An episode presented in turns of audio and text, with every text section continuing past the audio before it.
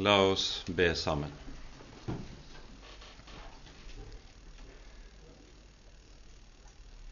Kjære trofaste Herre, så takker vi deg for all din godhet imot oss, at du har åpenbart deg selv for oss i din elskede Sønn. Du har åpenbart ham som er livets ord, for at vi skal få ha samfunn med deg. Og du vil bo hos oss, og vi skal få være dine. Takk, Hellige Gud, at du som troner så høyt i lyset, har villet komme til oss i det dype, komme inn i vårt mørke, for at vi skal bli frelst. Herre, nå ber vi at du vil komme og være hos oss når vi er samlet om dine ord. At du også vil åpenbare dine ord for våre hjerter, så vi kan få kjenne deg, og at vi kan få leve i lyset som dine barn. Du, Herre, vet hva hver og en av oss trenger Kom til oss, du, med ordet, med mat for det evige liv. Det ber vi, Herre, for ditt eget navns skyld, og takker og lover deg fordi du er god, og din miskunnhet varer til evig tid. Amen.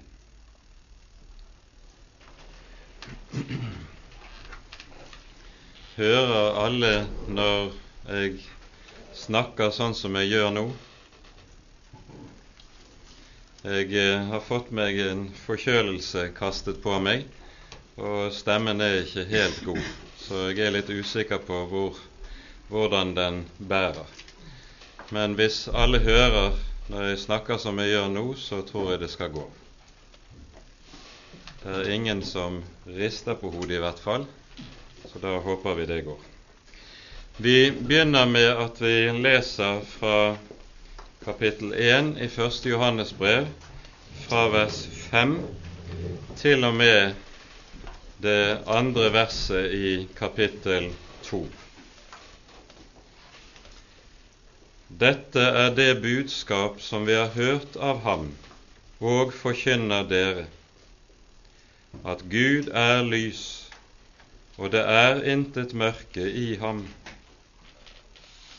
Dersom vi sier at vi har samfunn med ham og vandrer i mørket, da lyver vi og gjør ikke sannheten.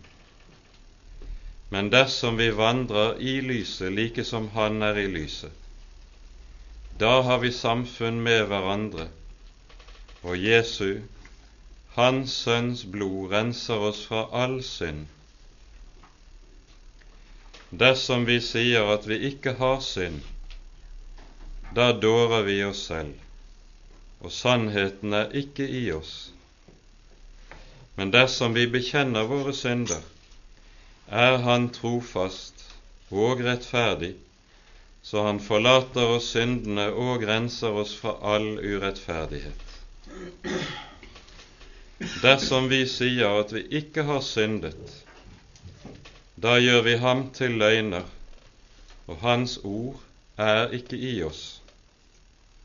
Mine barn, dette skriver jeg til dere for at dere ikke skal synde.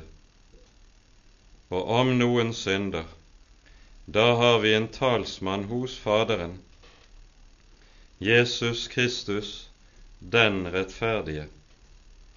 Og han er en soning for våre synder, dog ikke bare for våre, men òg for hele verdens.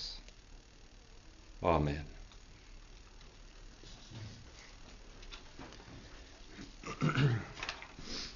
Som vi hørte da vi gikk gjennom innledningen av brevet, så er noe av foranledningen til at apostelen Johannes skriver dette brevet, at vi møter de første uttrykk for den vranglære i oldkirken som kaltes for gnostisismen på denne tid. Allerede i de siste av Paulus sine brev kan man også møte spor av den samme vranglære som apostelen går i rette med. Nå er den modnet noe når Johannes skriver dette sitt første brev. Og Det som kjennetegnet gnostikerne, det var en rekke ulike forhold som brøt helt fundamentalt med den kristne tro og det kristne budskap. Vi vil etter hvert se en del av dette lenger ute i brevet, men allerede her, i disse versene som vi har lest nå, møter vi et av utslagene, nemlig i form av en fornektelse av synden eller syndens natur i mennesket selv som noe av det som kjennetegnet disse gruppene. Innledningsvis så sier, skriver Johannes her altså dette er det budskap vi har hørt av ham, og forkynner dere at Gud er lys, og det er ikke mørke i ham. Med dette så understreker apostelen to hovedsaker. For det første Guds absolutte hellighet. Gud er den hellige, og slik ordet hellighet brukes i Bibelen, så brukes det som betegnelse på det at Gud er absolutt atskilt fra og opphøyet over alt som ondt er, alt som syndig er, alt som urent er. Gud er ikke bare vesensforskjellig fra alt som er ondt eller syndig, men det er noe som er han vesens fremmed, og som han er absolutt, er absolutt uforlikelig med hans vesen. Det er dette som ligger i Bibelens tale om Guds hellighet. Og Derfor er Bibelens tale om Guds hellighet også noe som går langt utover det som vi hører om hellighetsbegrepet innenfor alminnelig religionsvitenskap. Der brukes begrepet i all hovedsak for å betegne det at Gud eller gudene på en eller annen måte er opphøyet tilbaketrukket i en eller annen mystisk, eller det som man kaller for en numinøs sfære. I Bibelen er det slik at når den taler om Guds hellighet, så er dette noe som er en betegnelse på Guds adskilthet fra det onde. Gud er vesensfremmed i forhold til det onde, og derfor kommer også ordet hellig fra et begrep som betyr å skille ad. Det er grunnbetydningen for dette ordet i Det gamle testamentet. Den annen hovedsak som ligger i det vi her hører, det er en understrekning av Guds enhet. Gud er lys, det er ikke noe mørke i ham. Det er ingen spaltethet i Gud, ingen tvedelthet. Dette er jo også Israels trosbekjennelse, slik vi hører det i 5. Mosebok 6. kapittel. Hør, Israel, Herren vår Gud, Herren er én. Og denne Bibelens forkynnelse av og understrekning av Guds enhet. Det er noe som det ligger en dybde i dette som vi ikke er i stand til overhodet å gripe eller å forstå. Vi rekker ikke å gå inn på det i denne sammenheng, men noe av det som vi pekte på sist gang, er dette at til forskjell fra avgudene som en kjente dem i antikken, som jo nettopp forente all den splittethet, delthet, som du har i skapelsesverden, den finner du igjen i avgudene. Det finner du ikke i Gud. Om avgudene kunne det sies de er både onde og gode. I dem er det både lys og mørke. Avgudene kunne ha de samme syndige drifter som vi mennesker har, samtidig som de også kunne bære det, noe av det edleste som finnes med seg. En slik spaltethet finner vi ikke i Bibelens Gud. Han er hellig, og i sin hellighet er han én. Og nå er det også helt fundamentalt i Skriften at den hellighet som kjennetegner Gud, den er noe som han også legger inn over sitt eget folk. Dette skjer som en del av frelsen, av forløsningen, det at vi frelses ved troen på Jesus Kristus, det beskriver Bibelen som at vi helliges i Kristi blod. Vi rettferdiggjøres ved troen på Ham. Og dernest i tillegg til det at dette altså er så å si det grunnleggende i evangeliet, så er dette også på like måte det grunnleggende i loven. Men der sies det som oss, til oss som et krav. Dere skal være hellige, for jeg, Herren deres Gud, er hellig. Det hører vi i 3. Mosebok 19,2 og dette gjentas også for oss i Det nye testamentet. Vi hører noe av en gjenklang av dette i sist søndags prekentekst, der Jesus jo sier:" Derfor skal dere være fullkomne, like som deres himmelske Far er fullkommen. Dette er så å si kjernen i lovens forkynnelse. Og det er dette nå apostelen kommer inn på. Han sier, som vi hører det i vers 6, dersom vi sier at vi har samfunn med ham, men vandrer i mørket, da lyver vi og gjør ikke sannheten. Med dette så taler apostelen om at en delthet hos oss skal det Det er også noe som ikke hører til det kristne liv.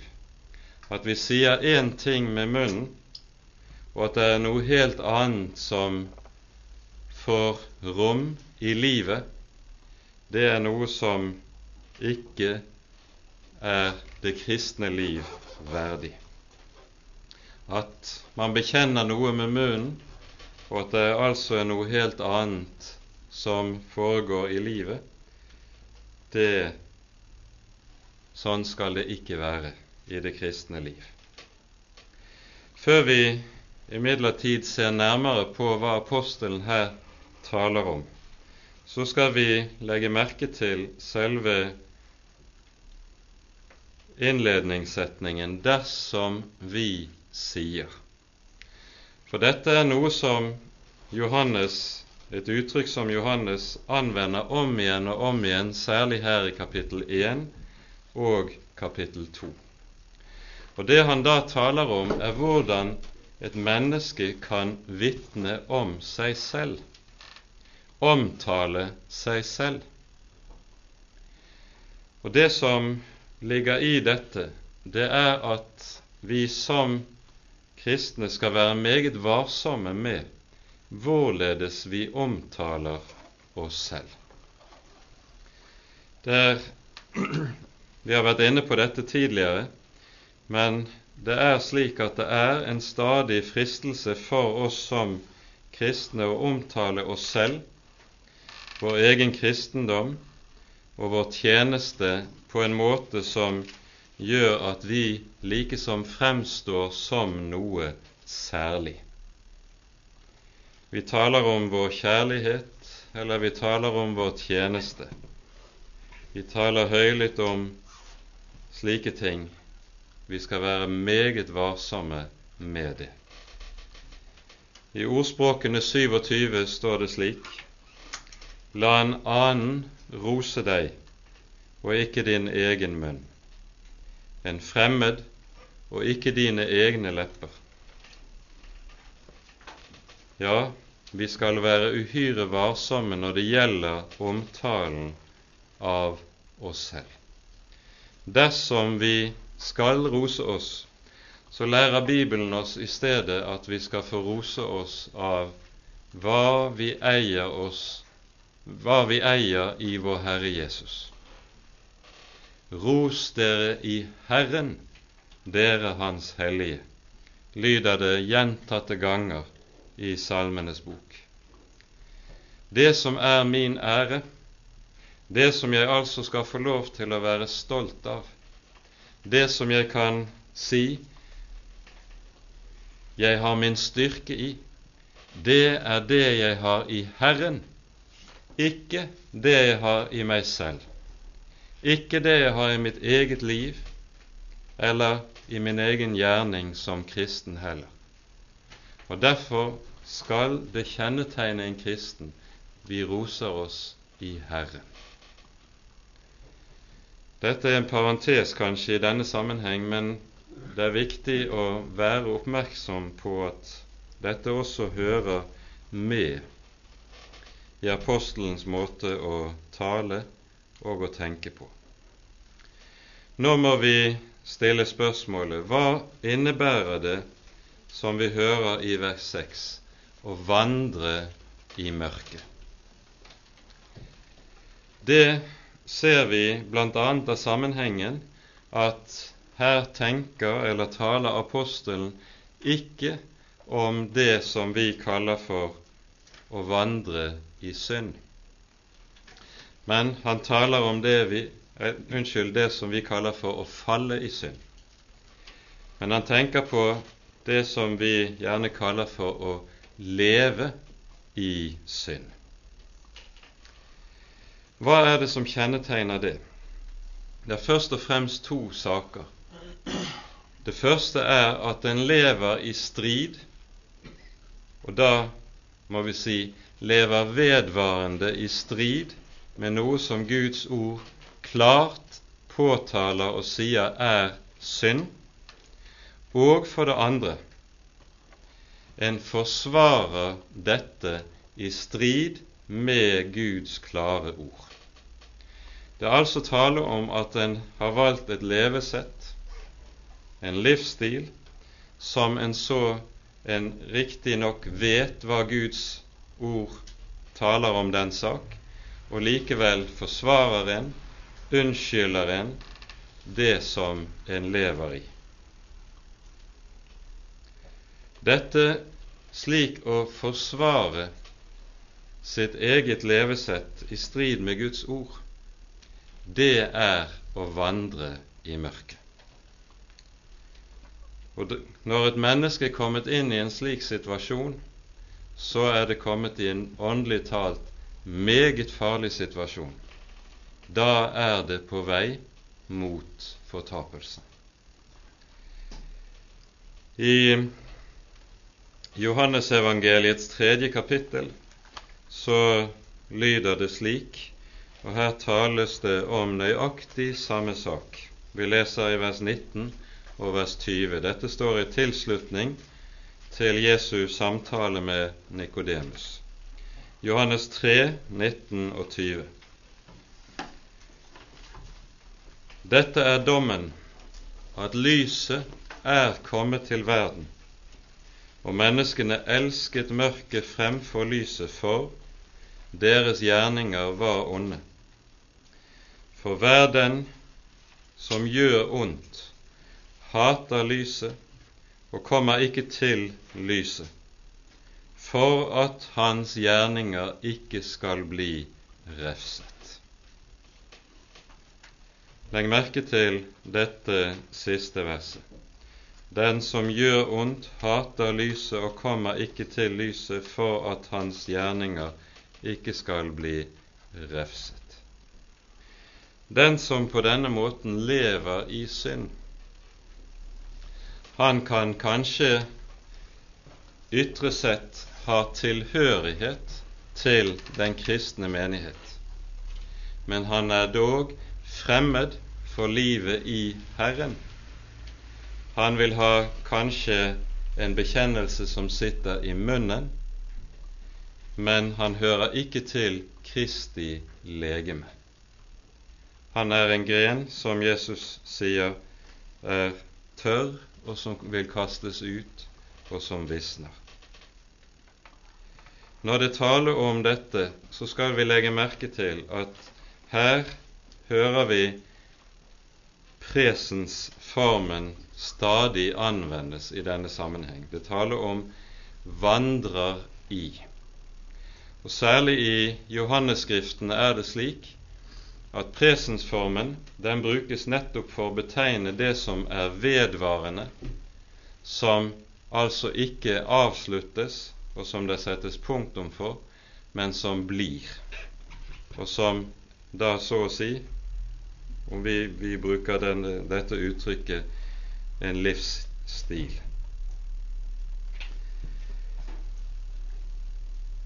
Det å vandre i mørket når Bibelen taler på denne måte, og altså bruker dette som benevnelse på å leve i synd, så er det fordi Bibelen også meget klart lar oss vite hva som er synd. Lar oss vite hva som er forskjellen på rett og galt. Dette er jo en grunnleggende del av lovens forkynnelse og lovens budskap. At det nettopp når budene lyder med sine 'du skal' og 'du skal ikke', så tales det meget tydelig og meget klart om hva som er Guds vilje, og hva som ikke er det. Gud har ikke latt oss være i tvil om slike ting. Vi skal tvert om vite meget tydelig og meget klart hva som er Guds vilje, og derfor også vil samvittigheten vite i vårt hjerte dersom vi lever i strid med Guds vilje. Her skal, har Gud sørget for at vi skal slippe å vandre i tåken. Hvert menneske kan tvert om vite disse ting meget tydelig og meget klart, og det er en del av Guds omsorg og så å si sjelesorg for oss at han taler klart. Han taler ikke uklart. Dette er ikke minst avgjørende viktig å holde frem i våre dager. For i våre dager så møter vi eh, også innenfor Kirken en type forkynnelse som er slik at den setter strek over ulike deler av Guds hellige lov. For det første finner man det innenfor det som vi kan kalle for den liberale teologi, eller for den liberale kirkelighet. Typisk uttrykk for noe av dette finner vi jo særlig i de senere års angrep på det sjette bud du skal ikke drive hor, du skal ikke bryte ekteskapet. Og sånn som dette har fått utslag både i form forhold til synet på samboerskap og i forhold til synet på homofili. Her taler Bibelen, her taler Guds lov meget klart. Men vi møter teologiske retninger som etter hvert er blitt dominante innenfor Kirken, som bryter med dette og trekker dette i tvil. Da er det grunn til å si at et menneske som sier det har samfunn med Jesus og hører til i den kristne kirke, men lever i strid med Guds ord, f.eks. på det sjette buds område, om det må vi kunne si du lever i mørket. Du lever ikke i lyset. For Bibelen taler klart. Vanlig innenfor disse retningene som vi her er inne på, er det at en begrunner motstanden mot Guds klare bud, de ti bud, med at en henvisning til kjærlighetsbudet. Man sier det viktigste budet er jo at vi skal elske hverandre, og kjærlighetsbudet det setter så å si alle de andre budene ut av kraft men dette er en grov misforståelse og en grov misbruk nettopp av kjærlighetsbudet. Dette hører vi også meget klart i en av siste søndags tekster, nemlig epistelteksten i Romerbrevets 13. kapittel.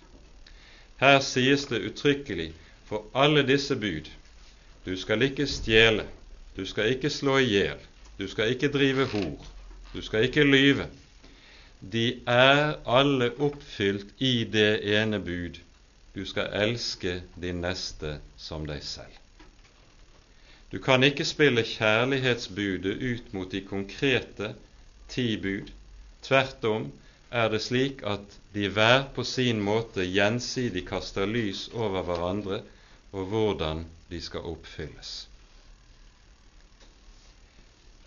Det som skjer når man bruker kjærlighetsbudet til å slå bena under de øvrige budene, det er at menneskene fratas muligheten til det Skriften kaller for synserkjennelse. Det som da skjer, er jo i neste omgang at mennesket kommer i den stilling at det ikke lenger har bruk for Guds nåde. Og det er det store alvoret i dette. For der en ødelegger forkynnelsen av Guds hellige lov, hvilket påskudd det enn måtte være under, da vil en også føre mennesker bort fra evangeliet, bort fra Kristus, for de har ikke lenger trang til og behov for nåden. Det har man utelukkende når man i møte med loven for å kjenne seg selv, kjenne sin egen synd, og av den grunn søker Jesus. Dette er helt fundamentalt. Et annet område der vi også ser i våre dager sterke angrep mot Guds hellige lov, det er i det fiendskap en ser mot Det gamle testamentet og delvis gjennom dette mot de ti bud innenfor en del frikirkelige retninger.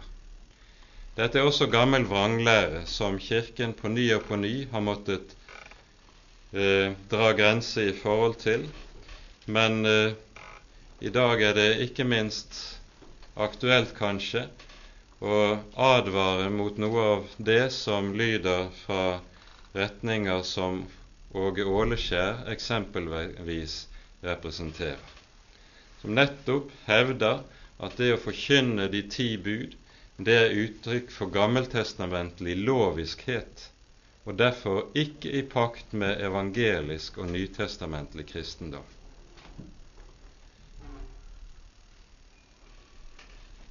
Da må vi si dette er meget farlig, og det fører mennesker inn i en situasjon der apostelen sier som vi hører, da vandrer man i mørket.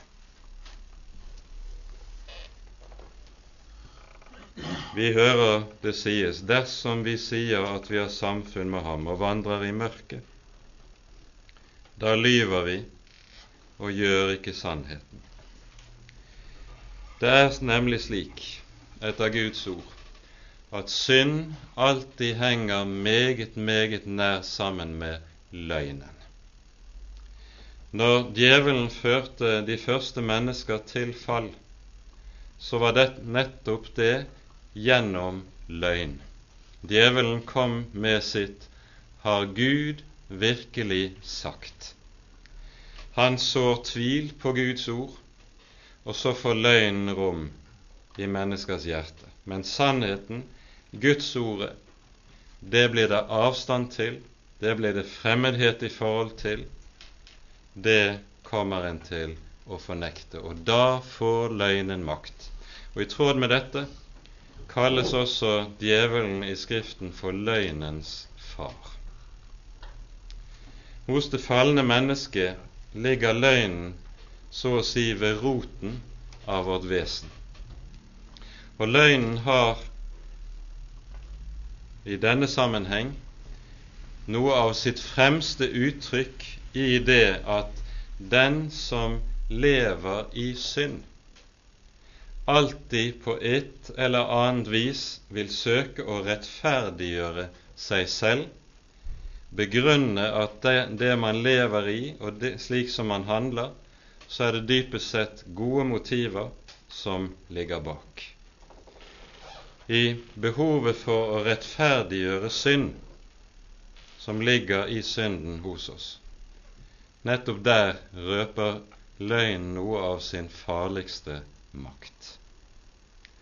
Og det er nettopp i møte med denne løgnaktighet som ligger oss i blodet, og som ytrer seg i vår veldige trang til selvbedrag. Det er nettopp i møte med dette at Gud forkynner sin hellige lov så klart som han gjør det. For hva er loven gitt til? Den er gitt til å være et speil for oss et speil som er av en slik art at vi ser hvordan vi selv ser ut i Guds øyne. Og dette må understrekes sterkt. Hvordan vi ser ut i Guds øyne.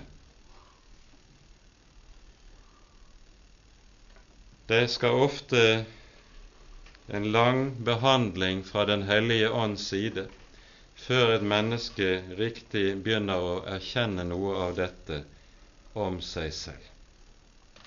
Men det vil alltid være slik at der loven kommer inn og får lov til å ramme et menneske i hjertet, der kommer det et stikk i samvittigheten som har til følge at spørsmålet melder seg hvordan kan jeg bli frelst? Hvordan kan jeg finne en nådig Gud. Det har ofte vært sagt og hevdet at spørsmålet etter en nådig Gud, det var et spørsmål de mennesker var opptatt med under reformasjonen. Men dagens moderne mennesker de er slett ikke opptatt av det spørsmålet. Det er andre ting de er opptatt av. Det er andre ting de har problemer med, det er andre ting de trenger å få svar på. Til det er det å svare. Mennesket er aldri etter naturen opptatt av spørsmålet hvordan finne en nådig Gud. Det er nemlig et spørsmål som utelukkende kan vekkes av forkynnelsen, nemlig forkynnelsen av Guds ord Guds hellige lov. Det er dette ord som kan vekke det spørsmål hvordan finne en nådig Gud. Og så forstår vi at dette som har med forkynnelsen av lov og evangelium Det er helt avgjørende at det alltid får lov til å stå klart forkynt i den kristne menighet. For det er loven som er tuktemesteren til Kristus. Det er loven som viser meg hvordan jeg er, slik at jeg begynner å spørre etter Jesus, slik at jeg begynner å miste troen på meg selv og får behov for en annen å bygge livet på.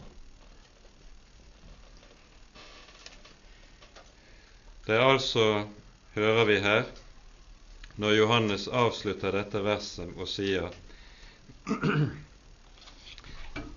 Da vandrer vi i mørket og lyver vi og gjør ikke sannheten. Så er det ikke tilfeldig at Johannes slett ikke sier eller nøyer seg med å si da sier vi ikke sannheten, men han sier at vi gjør ikke sannheten. For løgn og sannhet, slik vi møter disse begrepene i Skriften, det er langt mer enn rent teoretiske begreper som vi bare kan forholde oss til gjennom ord. Her er det tale om våre liv. Vi lever i sannheten, eller vi lever i løgn. Og det er dette det altså nå handler om. Så fortsetter det i vers 7, og dette er et uendelig rikt vers med en uendelig stor trøst for alle Guds barn.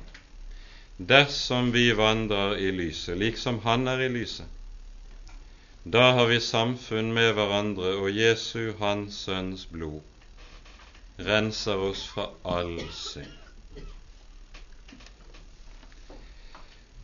Leser vi dette verset i sammenheng med de etterfølgende vers, så ser vi at når apostelen taler om å vandre i lyset, så mener han ikke med det å være syndfri.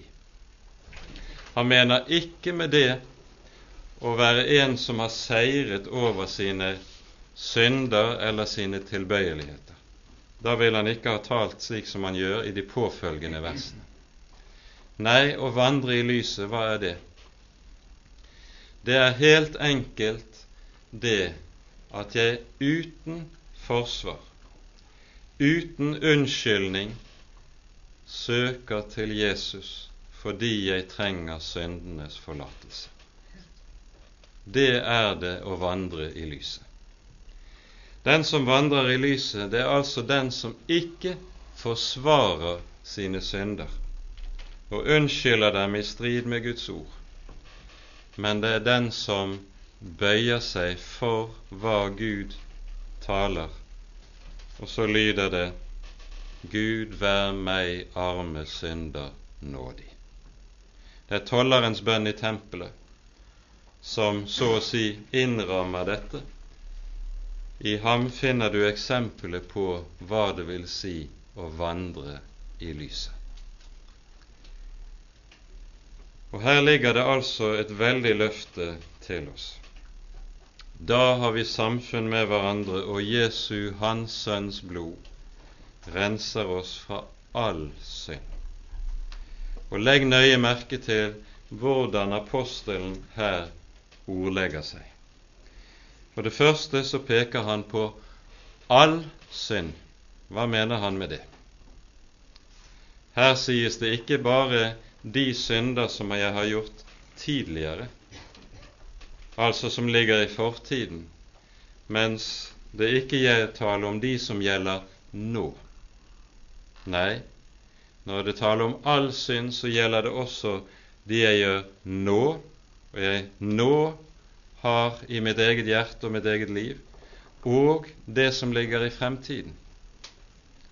Når det står all synd, så tenkes det ikke bare på små synder, men det tenkes bokstavelig på grove synder, stygge synder, onde synder, ting som du skammer deg dypt over for din egen del. All synd. Og fremfor alt må vi understreke når det sies all synd, så tenkes det ikke bare på den synd som du har overvunnet, fordi du har kommet et lite stykke på vei i helliggjørelsen. Det tenkes også på den synd som du ikke har overvunnet, og som du bakser med, og som du ikke får bukt med, og som er en stadig plage for deg i livet. Du overmannes kanskje om igjen og om igjen av det. Også den synd er dekket av Jesu blod. Det settes ikke det vilkår at du må være nådd så og så langt i helliggjørelsen for at syndenes forlatelse skal gjelde. Det står all synd. Det gjelder altså ikke bare den synd som du gjorde før du ble en kristen, men også den synd som du er skyldig i som kristen. Det gjelder ikke bare den synd som du gjør i handling, men også den synd som ligger i ditt vesen, i din natur. Det menes bokstavelig all synd. I dette ligger det en uendelig gave, for du skal også her merke deg at her står det og presens. Jesu, Hans Sønns blod, renser. Denne renselse er noe som Gud gjør og utfører om igjen og om igjen uten å stanse, uten å holde opp. I det ligger hans uendelige trofasthet. Det er ikke slik at han en dag har blitt trøtt og sagt 'Nå har jeg tilgitt deg 70 ganger, så nå tror jeg ikke jeg gidder lenger. Nei, han blir ikke trett av oss. 70 ganger syv ganger. Uendelig er det han er villig til å tilgi. Og Derfor står det altså presensformen her, sånn som vi leser det. Han renser. Det å være en kristen, det sa Hans Nilsen Hauge slik, det er ingenting annet enn å få lov til å komme til Jesus med sin synd. Jeg kommer ikke til Jesus med min prektighet. Jeg kommer ikke til Jesus med mine seire. Men jeg kommer til ham med min skam. Jeg kommer til ham med min elendighet. Og så skal jeg få lov til å vite og regne med da kommer jeg til en som står der med åpne armer og nettopp tar imot slike. Prøver jeg å komme med mine seire, med min prektighet, min vellykkethet, da sier han 'kom igjen en annen gang'. Og det er ikke derfor han er kommet. Han er kommet for syndere. For at dette skulle bli mulig, så sendte Gud altså sin sønn. Og legg merke til ordlyden her. Jesu Kristi Guds sønns blod. Her er det ikke tale om et blått og bart menneskes blod. Men Skriften taler i apostelgjerningenes 20. kapittel, hører vi Paulus bruker uttrykket Guds blod når han taler om Jesu, det blod Jesus utgyter på korset. For når det taler om den uendelige gjeld som ikke bare du og jeg som enkeltmennesker står i til Gud, men når det taler om alle menneskehetens millioner og milliarder, hva kunne være tilstrekkelig pris til å betale en så veldig gjeld av skyld, av synd og av nedrighet? Til det duger bare én pris Guds eget blod. Og Derfor er dette selve kjernen i frelsesbudskapet. Det er at Han som lider døden på korset for å sone våre misgjerninger, han er Guds sønn av evighet. Det er Gud som dør på korset, ikke en engel, ikke et fromt menneske, ikke en stor profet, men det er Gud. Og fordi det er den levende og evige Gud, ved hvem himmel og jord ble skapt, som lider døden for sin skapning. Derfor er også det som skjer på korset, så stor, et så stort offer, en så dyr pris, at det kan dekke hele menneskehetens elendighet og synd. Jesu Kristi Guds Sønns blod renser fra all synd. Dette ord skal få være en kilde til trøst for hvert eneste Guds barn som strever med sitt eget hjerte og strever med sitt eget liv og strever med sin egen synd. Og en stiller seg selv spørsmålet blir det aldri slutt på synden? Nei, det blir ikke det, så lenge vi lever her i verden. Men nettopp derfor blir det heller aldri slutt på Jesu Kristi nåde. Hans blod er nok til å dekke for alt. Alt du har i livet ditt, hele avgrunnen av mørket som ligger i ditt eget hjerte. Det er dekket, og det er skjult, og det er tilstrekkelig. Og hvorfor skal vi da vandre i mørket, når vi i stedet kan få lov til å vandre i lyset og eie en slik gave? en så uendelig stor rikdom som ikke tar slutt, en slik kilde som aldri tømmes ut, men stadig er like ny for Guds barn. Jesu Kristi Guds Sønns blod renser fra all synd. Det er løftet. Så kommer det to i vers 8 og vers 10 to nye 'dersom vi sier'. Først sies det 'dersom vi sier at vi ikke har synd', da bedrar vi oss selv. Og dernest i vers 10 dersom vi sier at vi ikke har syndet, da gjør vi ham til en løgner. Her skal vi være oppmerksom på at apostelen ikke gjentar seg selv. Men det han her gjør, det er at han taler om to ulike sider ved synden i våre liv. I vers 8 så taler han om det som man i teologien kaller for den habituelle synd, dvs. Si hva vi er.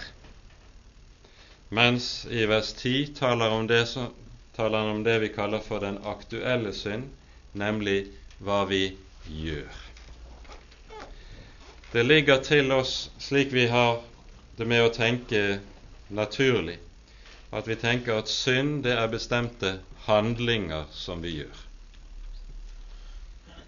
Men når Bibelen taler om synden, så taler den ganske særlig om hva vi er. Det er her Jesus f.eks.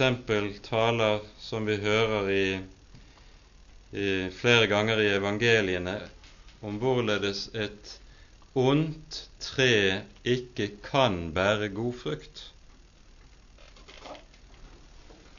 Frukten er jo da i tilfelle våre gjerninger, våre ord, det som, vi, som ytrer seg i våre liv. Det som slik ytrer seg, og som vi kaller synder, det er slik Bibelen taler om det, ingenting annet enn frukt av det vi er. Synden er vår natur, det er en del av vårt vesen etter fallet. Og det å bli en kristen, det betyr derfor ikke bare å eie syndenes forlatelse for alt det jeg har gjort, og at jeg er frelst fra det. Men det betyr også at jeg skal få lov til å være frelst fra hva jeg er. Det gjelder like meget. Oppover gjennom Kirkens historie har det på ny og på ny dukket opp retninger, svermeriske retninger, slik som det også var blant gnostikerne på Johannes tid som lærer en eller annen form for syndfrihet. Syndfrihetslæren ser ut til på ny og på ny å følge svermeriet. Det er en art overåndelighet som i realiteten ikke er noe annet enn åndelig blindhet, men der mennesker kan så å si suggerere seg selv inn i en tro på at en er i stand til å overvinne synden i sitt eget liv og i sitt eget hjerte. I dag møter vi også dette i samtidens kristenhet. Mange av dere unge vil kanskje ha støtt på folk som hører til menigheter der det sies meget tydelig og klart at en kristen skal ikke bekjenne sine synder, for han er jo nettopp frelst fra sine synder. Og Derfor er det å bekjenne synd noe som ikke hører hjemme i en kristens liv. I ekstreme svermeriske menigheter er dette en vanlig oppfatning. Tilsvarende så kan vi også høre det mer innenfor hovedstrømmen innenfor teologiske retninger, også innenfor Kirken, at dette å tale om synden som en del av vårt vesen, og at vårt vesen dypest sett er styrt av og bestemt av syndens makt i oss, det er uttrykk for et negativt menneskesyn, og derfor skulle vi ikke tale slik, for det ødelegger menneskers selvtillit og tjener bare til å skape selvforakt blant mennesker. Den slags røster vil vi også finne innenfor både teologien og innenfor Den norske kirke ganske hyppig i våre dager. Til det er det å si to ting. For det første Selvforakt, det er noe som ikke henger sammen med at jeg ser på meg selv som syndig. Selvforakt, det er noe som springer ut av at et menneske ikke er elsket. Den som aldri har møtt kjærlighet, barn som møter, ikke møter kjærlighet i oppveksten f.eks., de vil ofte bære med seg selvforakt som en grunnleggende del av sin personlighet. Det å bekjenne om seg selv 'Jeg er en synder'. Det er ikke selvforakt, det er sannhet. Det Bibelen lærer, det er jo at nettopp jeg som er en så dypt fallen synder, jeg er likevel høyt elsket. Om jeg er falt aldri så dypt, om synden sitter aldri så fast i meg, den levende Gud har elsket meg slik at han ga sin sønn i mitt sted. Og da er det ikke grunn til selvforakt, for du er høyt elsket. Det å fornekte synde, syndenaturen i våre egne hjerter, det er noe som dypest sett ligger som grunnvilkår for at mennesker tyr hen til egenrettferdighet. Og hvis du fornekter den dypeste synde, syndenaturen hos oss, da vil en også si at det er mulig for mennesket å gjøre noe godt, og dermed på en eller annen måte selv bidra med noe til sin frelse. Dermed blir frelsen ikke ene og alene Jesu gjerning og Jesu verk. Men jeg kan bidra litt, jeg òg. Om det ikke er mye, så er det dog litt. Nei, her taler Bibelen meget klart. Frelsen er Kristi gjerning alene. Og fordi du og jeg er som vi er, kan vi ikke legge noe til kan vi ikke bidra med noe som helst, men vi får lov til i stedet å få alt, og få det for intet. Så hører vi apostelen altså sier som han gjør. Dersom vi sier at vi ikke har synd, da bedrar vi oss selv. Og sannheten er ikke i oss. Men dersom vi bekjenner våre synder, da er Gud trofast og rettferdig han forlater oss syndene og renser oss fra all urettferdighet.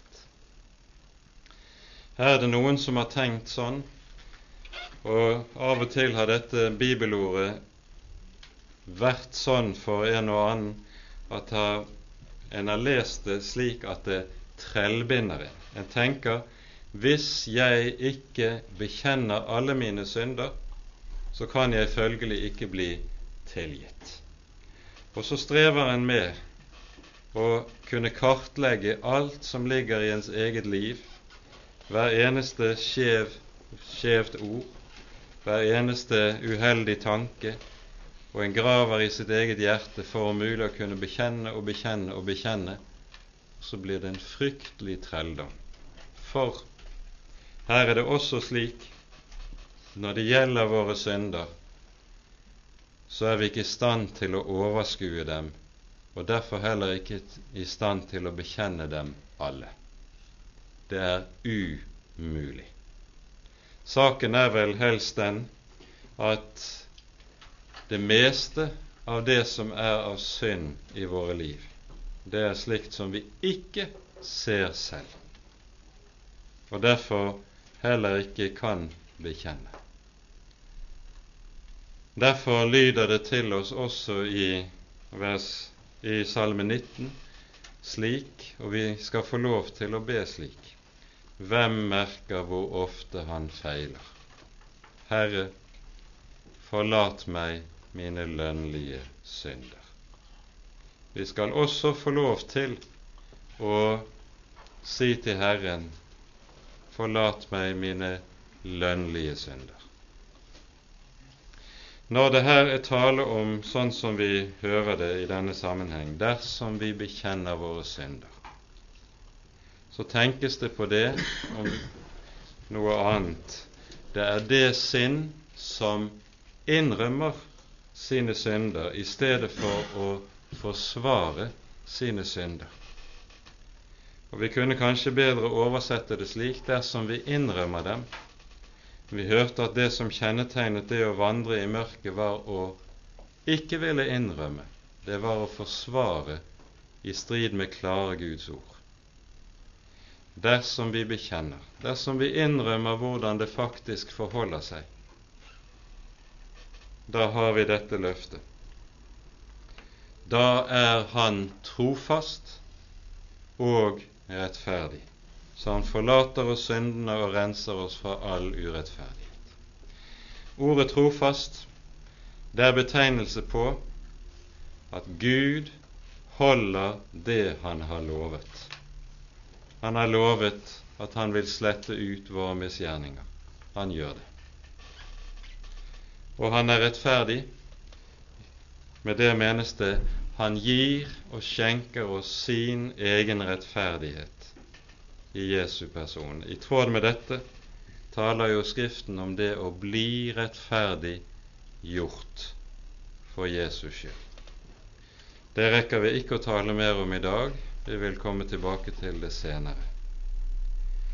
Men det vi altså ser her, i dette avsnittet vi nå har lest, det er hvorledes vi både får holdt frem for oss sannheten om hvem vi er,